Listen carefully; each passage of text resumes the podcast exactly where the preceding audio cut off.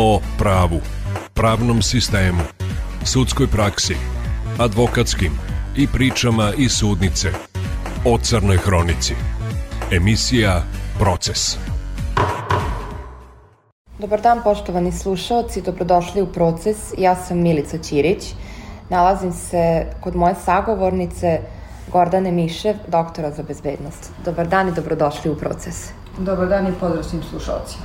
S obzirom na učestalost sada nasilja u porodici i žrtve nasilja, kako se po vama to rešava i recite nam neke podatke i neke slučajeve koje su na vas ostavili utisak? Ono što je opšte poznato jeste da godišnje u Srbiji se ubije oko 30 žena, što je zaista žalosno, ali ono što je pozitivno, to je nov zakon o sprečavanju nasilja u porodici koji je donešen pre 7-8 e, godina, što je bio vetar u leđa ženama da prijave nasilje, tako da porast prijava e, poslednjih par godina je zaista evidentan. Negde oko 20.000 žena prijavi nasilje, neki vid nasilja i po novom zakonu sada su ti procesi mnogo brži, mnogo efikasniji. Ono što je evidentno i što je problematično jeste što žene često odustanu. Žene koje trpe nasilje su verovatno godinama već žrtve i prosto muškarac koji je po prirodi uglavnom manipulantan uspe da ubedi da povuče tužbu, da odustane od tužbe i to je ona problematika. Na kraju takve žene često završe tako što ih e, partner ubije i to je i žalosno i tužno. Policija mislim da radi dobro svoj posao, da su u poslednjih par godina prošli i obuke ophođene kako prema žrtvi, tako i prema nasilniku, ali ono što je najveći problem našeg društva to je ta sekundarna viktimizacija, odnosno stav društva prema ženama koje su žrtve nasilja.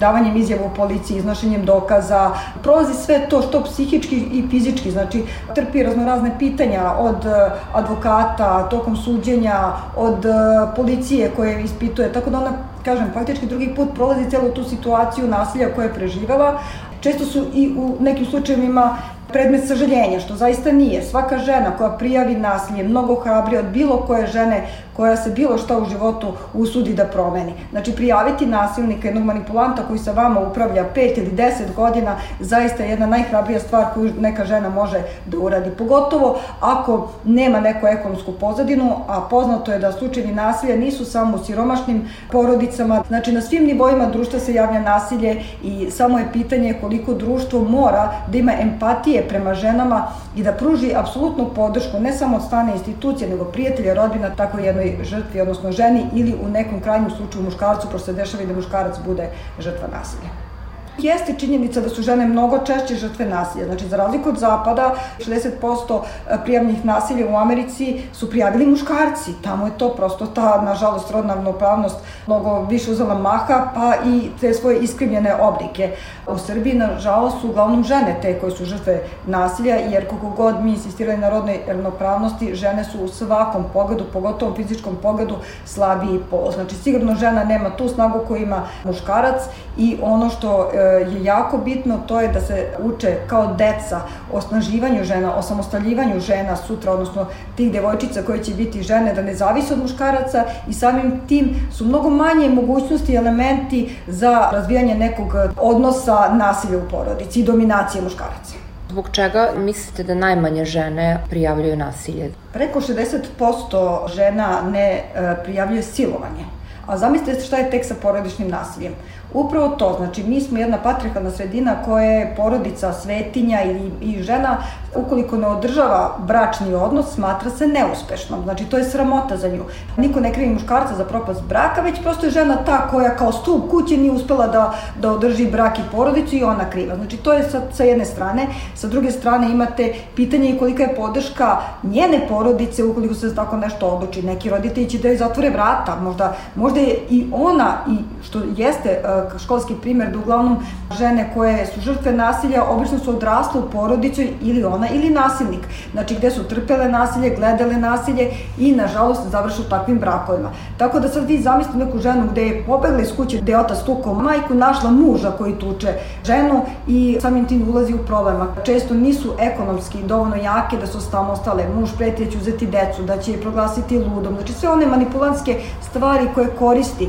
Drugo, žene ne znaju da je sama prijava nasilja vas ne košta ništa, možete da, da, da prijavite. Svaki komšija može i čak i anonimno prijavi nasilje ukoliko se dešava u nekoj porodici. Takođe, sama tužba za razvod i sprečavanje, znači dalje mera uznemiravanja vas ne košta ništa. To možete u svakom tužilaštvu da podnesete, a verujem i da veliki broj opština imaju čak i tu besplatnu pravu pomoć za osetljive grupe, uključujući žene koje su žrtve nasilja. Naravno, postoji sigurne kuće gde je baš onaj ekstremni vid žena koji nisu imali gde i nisu ekonomski osigurane da dođu tu, da se možda prekvalifikuju, uče, zbrinu i nastave dalje svoj život. Trećinu ubistava žena, trećina je bila prijavljena. Vratila se policiju, obratila se Centru za socijalni rad.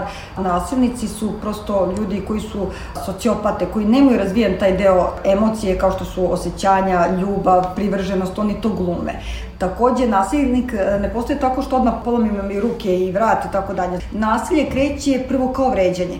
Kad budete naučili da ne može u kafiću niko da vas uvredi, da ne sme niko da vam se približi u prevozu i da vas uh, uhvati na neko nezgodno mesto, tada će početi da se menja svest. Znači, dok god mi mislimo da je vređanje, da je nazivanje žene pogrdnim imenima, kao što je kurva ili, ili slično, da je nikakva domaćica, da je nikakva majka, znači to tako kreće. Iz te faze se polako razvija da je gurne, da je lupi šamar. Posle toga tek prođu meseci i meseci do nekog ozbiljnog, da kažem, fizičkog kontakta, gde ona bude premaćena tako da se može možda i vidi. Znači, nisu ni oni glupi, znaju da se modrica na licu vidi, oni će da je udaraju po telu. I onda korak po korak, onda posle toga on joj donese, znači, bubonjeru, donese cveće, izvede na ručak, izvini se, pogre... neće više, Malo neće plaše. više. Međutim, to sve više hvata maha.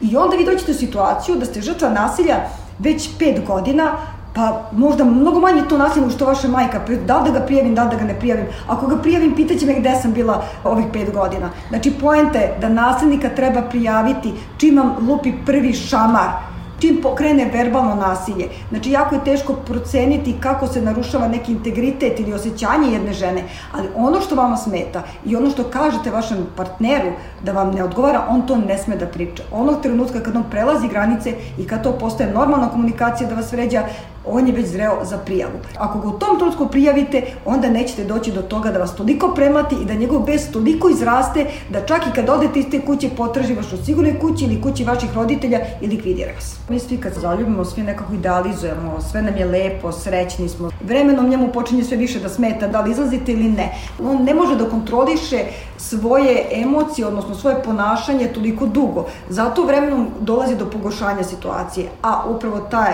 sposobnost manipulacije, kako on nekad bio divan pa se promenio.